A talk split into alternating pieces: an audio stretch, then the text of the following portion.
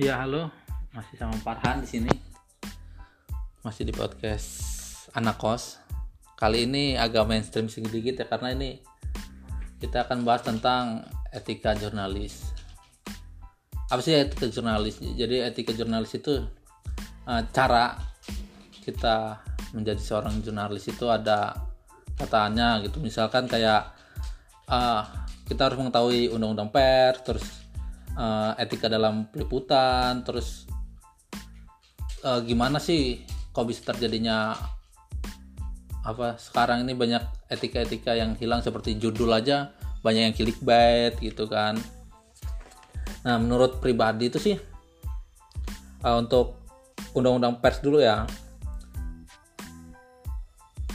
Jadi uh, regulasi pertama itu mengenai pers diterbitkan pada tahun 1856 karena mewajibkan semua isi bahan cetak itu wajib dikirim terlebih dahulu kepada pemerintah gitu kan. Jadi biar dipilah-pilah dulu nih mana yang tidak melenceng beritanya. Nah terus di zaman sekarang ini kenapa sih banyak clickbait gitu kan? Judul-judul banyak yang cuma bisa menarik perhatian doang. Ya karena ya itu kalau misalnya tidak menarik perhatian menurut pribadi sih ya nggak bakal dipandang sama masyarakat. Terus uh, banyak juga contohnya kayak di mana?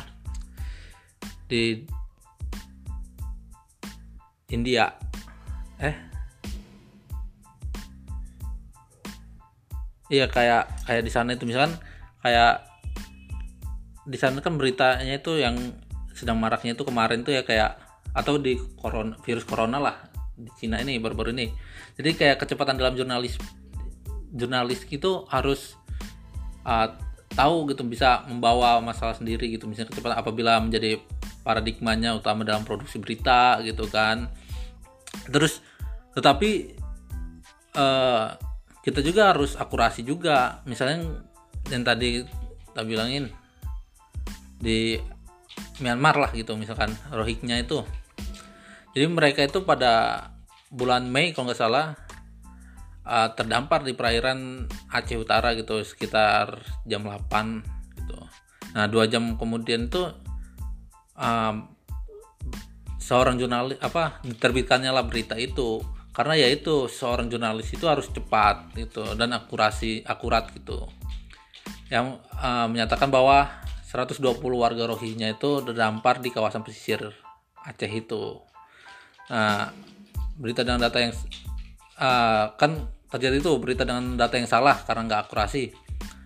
Uh, dikutip dengan sejumlah media online uh, seperti dalam hitungan detik apa dalam hitungan detik publik uh, banyak yang disajikan informasi dengan data yang salah gitu kan. Uh, jumlah mereka itu diperkirakan saat itu di atas 500 orang terdiri dari pria, wanita, ibu hamil dan anak-anak gitu.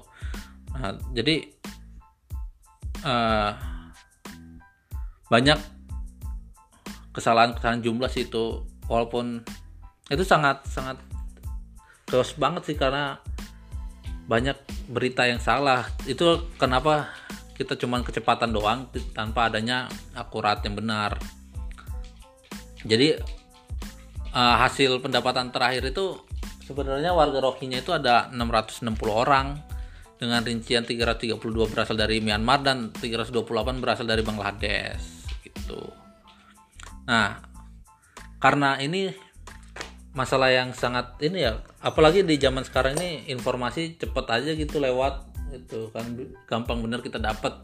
Misalnya kayak lo mau cari tentang etika komunikasi gitu kan bisa nyari aja bukunya etika komunikasi di era cyber gitu kan teori dan praktik apa praktik gitu kan.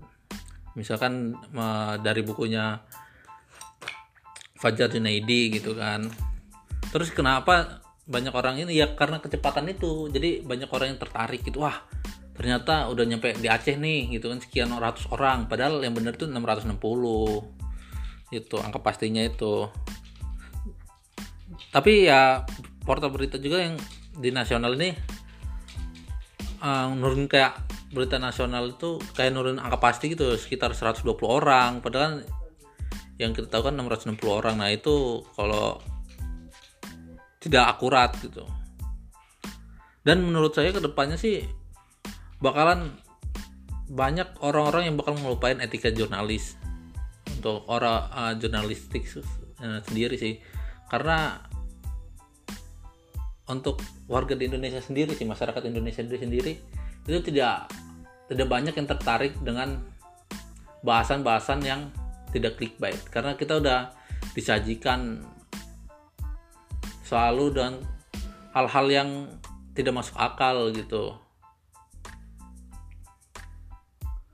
Coba, coba aja kita pikir uh, misalkan kan kalau dulu itu misalkan lumpur lampindo gitu kan karena jurnalis apa itu punya antv itu punyanya si Pak Bakri jadi ya langsung dipublikasikan di antv pertama kali kalau tidak salah. Antv dan TV One. Nah begitu juga kalau misalnya tentang pemerintahan. Pasti TVRI karena TVRI itu perint, apa punyanya pemerintah gitu nasional. Jadi ya selain uh, menghilangnya etika itu juga adanya juga pembelaan gitu kayak ah karena saya ikut di berita ini berarti di TV ini atau media lain gitu yang memiliki pengusaha gitu besar gitu. Jadi saya harus bagus-bagus ke mereka. Ya itu emang tidak apa-apa sih kalau menurut pribadi karena toh itu punya mereka. Tapi ya balik balik lagi sih ntar ke depannya pasti banyak eh, orang-orang atau yang menjadi jurnalis itu tidak tahu malahan apa undang-undang pers itu gitu kan. Terus etika saat penulisan. Terus gimana sih caranya kita mengorek sebuah informasi dari narasumber tanpa menyinggung privasinya gitu. Uh, ke depannya kalau misalnya kita uh, menjauhkan diri dari hal-hal yang berbau unsur-unsur clickbait ya kita bakal kembali lagi dan tidak akan hilangnya sebuah etika jurnalistik. Ya itu aja sih dari saya.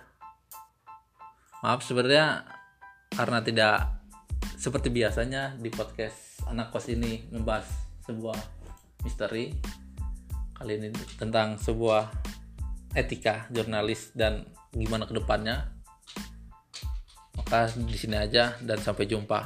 Ciao